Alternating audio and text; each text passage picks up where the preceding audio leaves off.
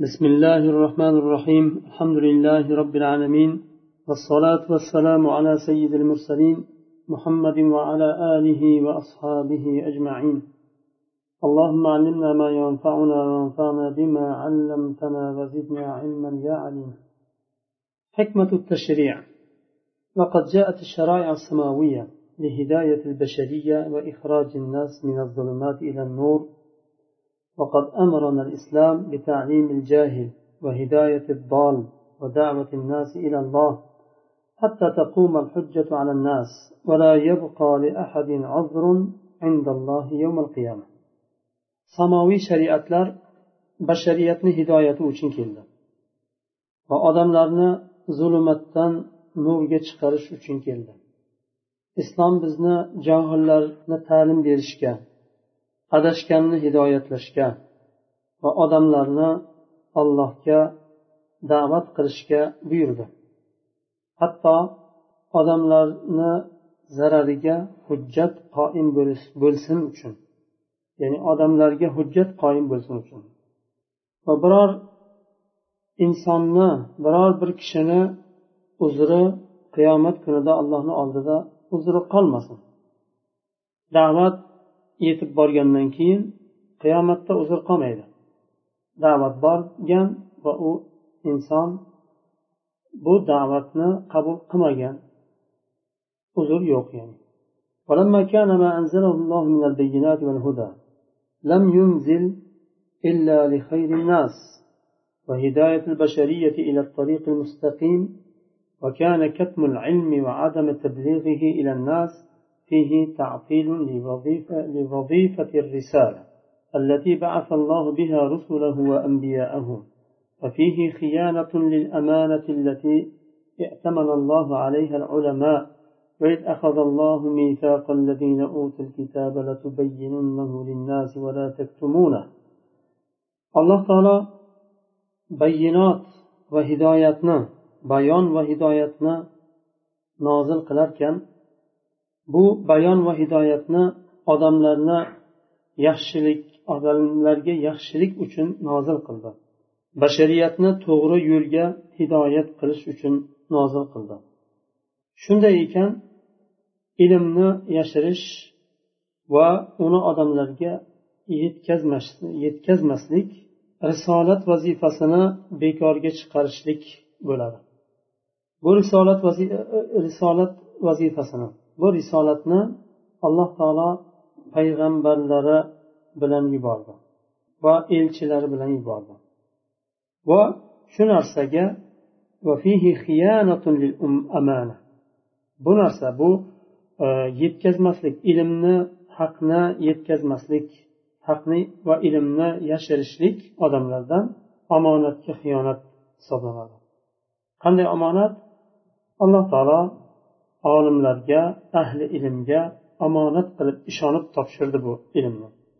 Payg'ambarlardan keyin ularni zimmasiga o'tdi bu vazifa. Alloh taolo demak ularga ishonib topshirdi payg'ambarlarni vazifasidek bir ulug' vazifani. Alloh taolo ahli kitoblardan misoq olganda va'dalarni olganda aytdiki sizlar bu kitobni sizlarga nozil bo'lgan alloh taolo tarafdan nozil bo'lgan haqni ilmni odamlarga bayon qilasizlar uni yashirmaysizlar.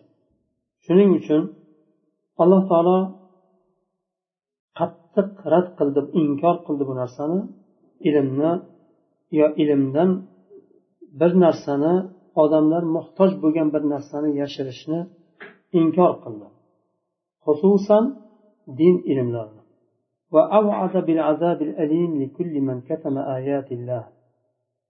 Har bir ollohni oyatlarini yashirgan kishiga alloh taolo alamli azobni va'da berdi.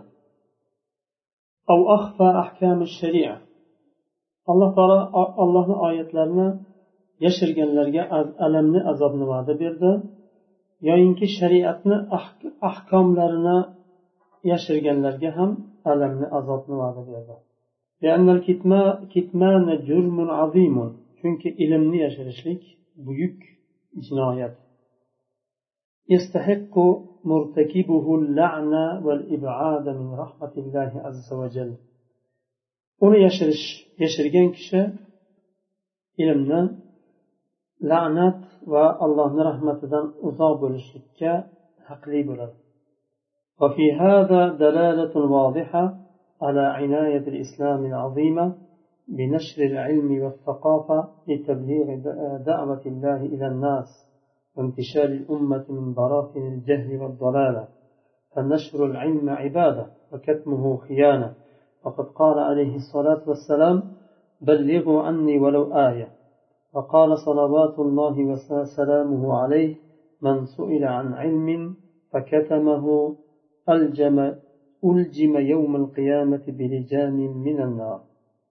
بندا واضح أشق بالدلالة بار كي يعني الله تعالى ilmni yashirgan kishiga qattiq vaid va'da qilganlikda bir dalolat كي demak اسلام buyuk bir inoyat beradi. Ya'ni ehtimom beradi. Ilmni va saqofatni odamlarga yetkazishga va odamlarni allohga da'vat qilishga ehtimom beradi. Yashirishdan qaytardi. Hatto haqni va ilmni yashirganlarni la'natladi bunda ummatni zalolat va jaholat changalidan chiqishi bor yoyinki yuqorida atf qilsak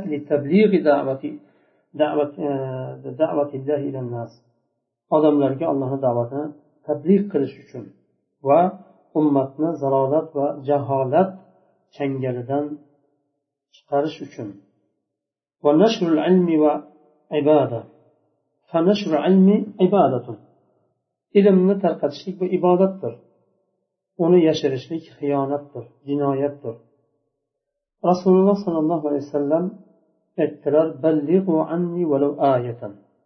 mendan bir oyat bo'lsa ham yetkazinglar. Yetkazishga buyurildi. Ballig'u fi'l amr. Amr usulda keladi hali. Al amrul mutlaq yadullu alal vujub.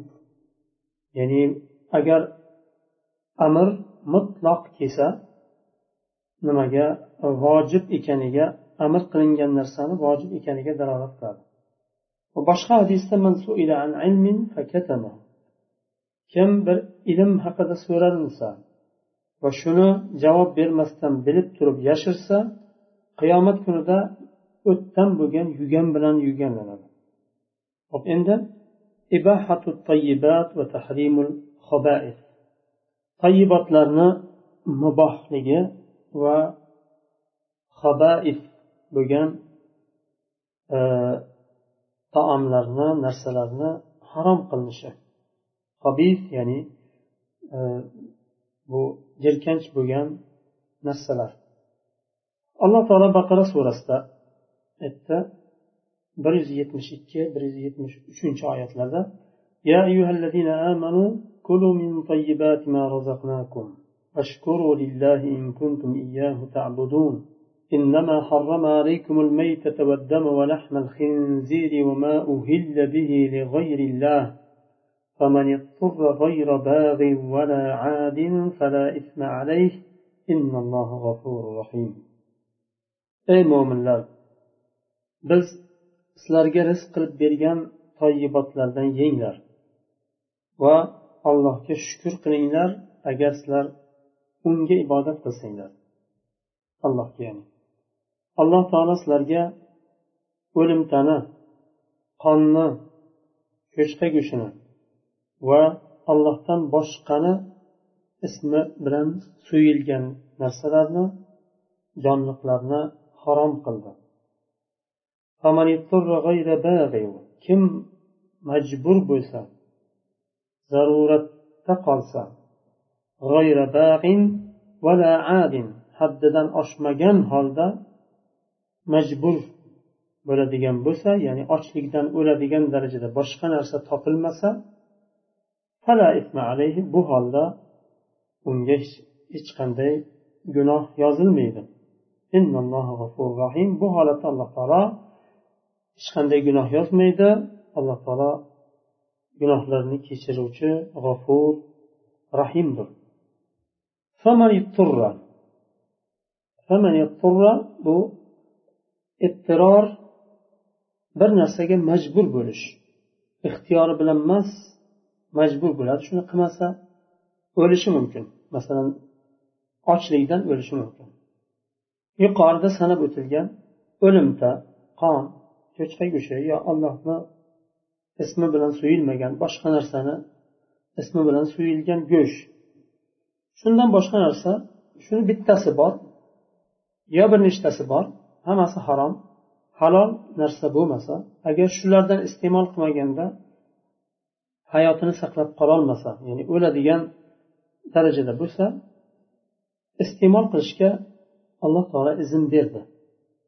Uni ham chegarasi bor.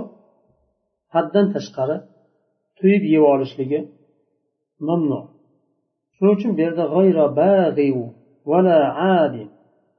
birinchisini g'ayra bag'inni ba'zi olimlar haligi keragidan tashqari yeyishlik deyilgan. Vala adin uni haligi boshqa narsa bo'lib turib haligi e, ehtiyoji bo'lmagan holda yeyishlik chegaradan oshishlik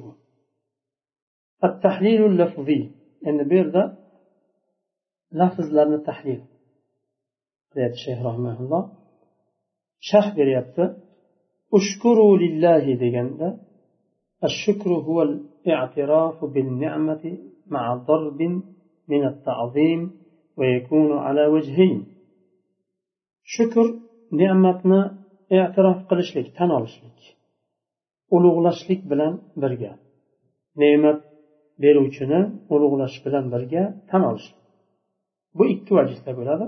Birinchisi ne'matni e'tirof qiladi tan oladi va ne'mat beruvchiga sano aytadi ya'ni maqtaydi agar sizlar shukur qilsanglar men sizlarga ziyoda qilaman deb alloh va'da beryapti.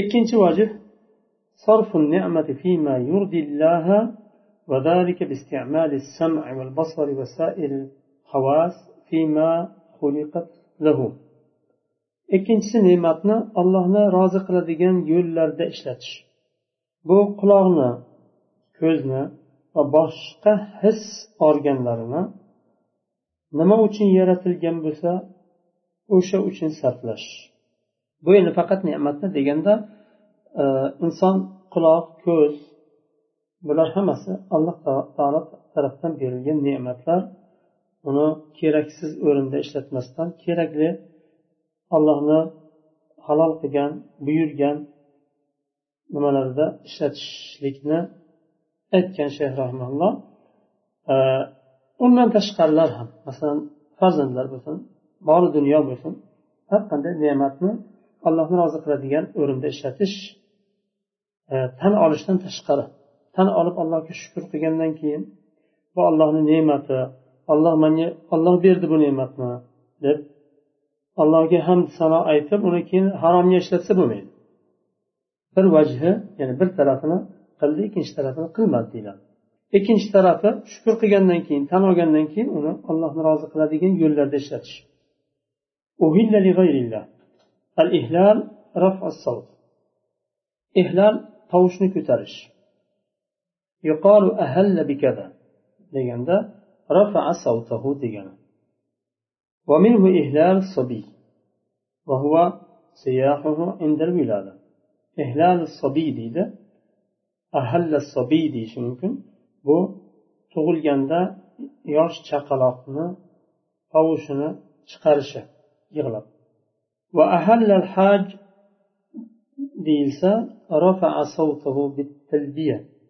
talbiya bilan tovushini ko'targan hojini ahallal haj deyiladi قال الشاعر يهل بالفرقد ركبانها كما يهل الراكب راكب المعتمر فرقد deb nimani vahshiy sahrodagi vahshiy nima sigirlar buqalar bo'ladi mana arslonlar ovlaydiyu bir shoxi nima e, shular vahshiy nimalar shularni farqat deydi arab tilida.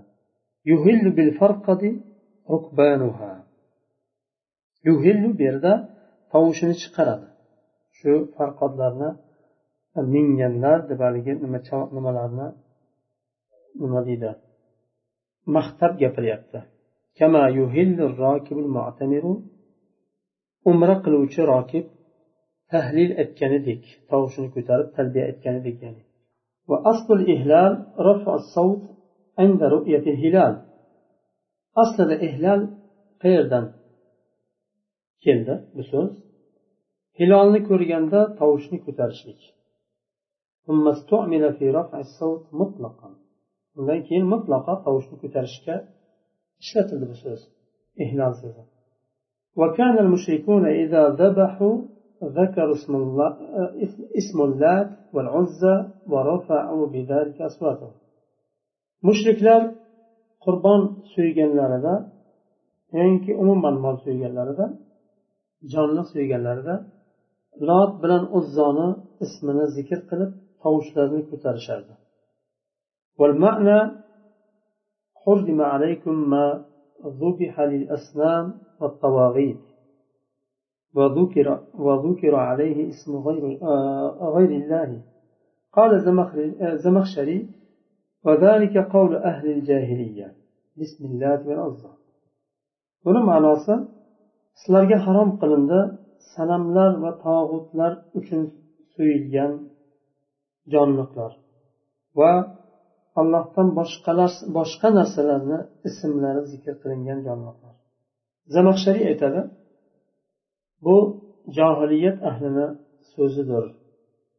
Ism e, lot va uzzoni ismi bilan so'yish turra deganda ay hallat bihi darura va alja'athu ila akli ma harramalloh zarurat kelib uni alloh taolo harom qilgan narsani yeyishlikka majbur qildi degani masalan shomda e, muhosara bo'lganda blokada qilib bir necha oy nimani muhayyam ahlini bir olganda olimlar fatvo berishdi hech narsa ya'ni ochlikdan o'lib boshladi odamlar muhayyam ahli muhayyam yarmuk deyiladi falastin ko'proq falastinliklar yashaydi u yerda.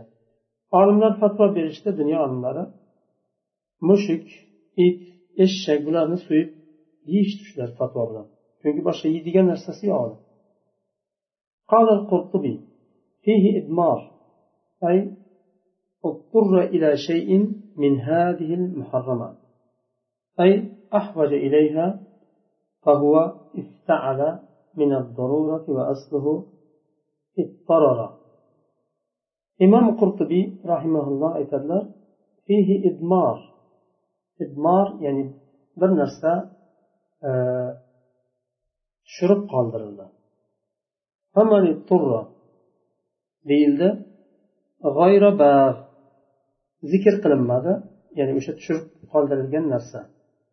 Ya'ni ila shayin min hadihil muharramat deb yuqoridagi sanab o'tilgan muharramatlarga ishora qilingan bir ma'no bor bu yerda ya'ni ahvaja ilayha shu shu muharramotlarga muhtoj bo'lib qolsa boshqa narsa bo'lmasa iftaala bobidan bu turra degani ittorra iftaala bobidan. Minat darurati deganda ittorra nimadan chiqdi? Zaruratdan chiqdi ya'ni. Buni asli asli ittorora bo'lishi kerak. باغ الباغي في اللغة الطالب لخير أو لشر باغي degani bir narsani talab qilishlikni bag'iy deydi yaxshilik bo'lsin yomonlik bo'lsin talab qilishni bag'iy deydi hadisda kelganidek ya bag'il xayr aqbil ey yaxshilik talab qiluvchi aqbil keling degan mazmunda bu yerda yomonlik talab qilishga xos qilindi قال الزجاج البغي قصد الفساد fasodni qasd qilishlik bu yerda nazarda tutilyapti قالوا بغى الجرح إذا ترامى للفساد بغى الجرح deyiladi jarh deb jarohatni aytiladi bag'al jarh deyiladi agar yara jarohat buzilib boshlagan bo'lsa deyiladi fojirlik qilsa ayol kishini bag'at deyiladi shuning uchun maryam surasida iso alayhissalomni tug'ib ketirganlarida qavmi hayron bo'ladi bu otasiz qanday ketirdingiz buni وما كان أبوك امرأ سوء وما كانت أمك بغيا deydi bag'iy bu yerda sizni otangiz yomon odam emas edi onangiz ham bog'iy emas edi.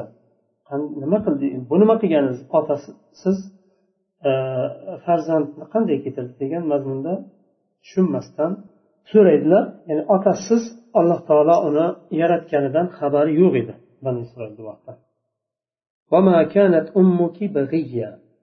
u yerda ham bag'iy ishlatilinadi ya'ni fojira emas edi degan mazmunda adin اسم فاعل أصله من العدوان وهو الظلم ومجاوزة الحد عاد اسم فاعل أصله عدوان udvon degani zulm va haddidan oshishlik. والمراد بالباغي من يأكل فوق حاجته bog'iy deyishdan murod hojatidan tashqari yeyishlik. Bir kishi o'limtadan boshqa yeydigan narsasi yo'q. Agar shu o'limtani yemasa ochlikdan o'lishi ehtimoli bor. Shu holatda jonini saqlab qolish uchun o'limtadan bir miqdor yeydi. Jonini saqlab qolishga yetarli bir miqdorda yeydi. Lekin haddan tashqari yeb yuborishlikni bag'iy deydi. Haddidan oshdi keragidan tashqari yedi والعادي من يأكل هذه المحرمات وهو يجد غيرها عادي bo'ladigan bo'lsa boshqa narsa ham bor faqat shu o'limta emas undan ko'ra afzalrog'i halolrog'i bor lekin u shuni tanladi uni adi deyiladi قال القرطبي وأولى هذه الأقوال قول من قال فمن اضطر غير باغ بأكله ما حرم عليه ما حرم عليه من أكله. ولا عاد ولا عاد في أكله وله في غيره مما أحله الله له مندوحة وغنى. imom qurtubiy aytadilar bu so'zlarni eng avlosi eng oxirida aytilgan shu nima deganda bag'in harom qilgan narsani unga yeyishlik harom qilingan narsani yeyishlik. Vala adin buni boshqa halol narsalar bo'lib turib harom qilingan narsani yeyishlikni nazarda tutiladi. Ya'ni shu harom qilingan narsadan boshqasida ham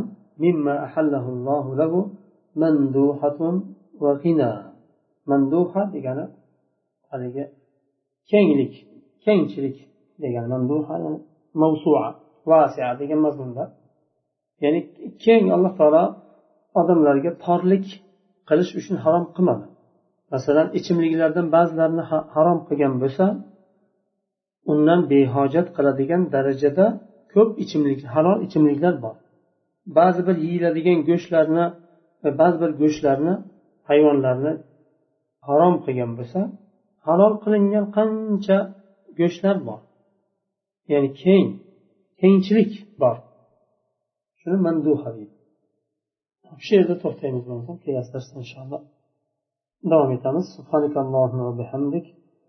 أشهد أن لا إله إلا أنت أستغفرك وأتوب إليك